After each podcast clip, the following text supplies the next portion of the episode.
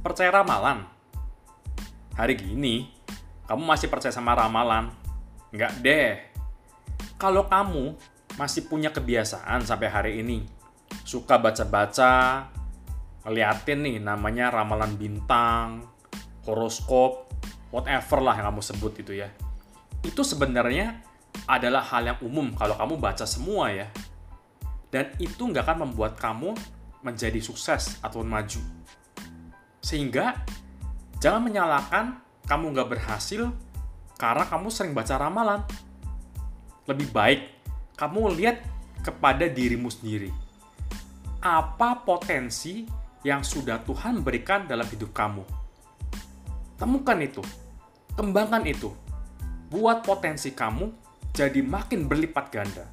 Buat potensi kamu jadi maksimal. Kamu harus melakukan satu pekerjaan, bekerja, aktif, kembangkan potensi kamu, lakukan tindakan-tindakan yang semestinya kamu lakukan. Hanya tindakan-tindakan itulah yang akan membawa kamu kepada kesuksesan yang akan kamu raih. Saya percaya, kalau kamu mulai dari hari ini, kamu setiap hari minimal kembangkan diri kamu satu persen saja. Saya percaya dalam satu tahun, kamu setidaknya sudah meningkat minimal 300 persen. Tiga kali lipat dari kondisi kamu saat ini. Kamu mau?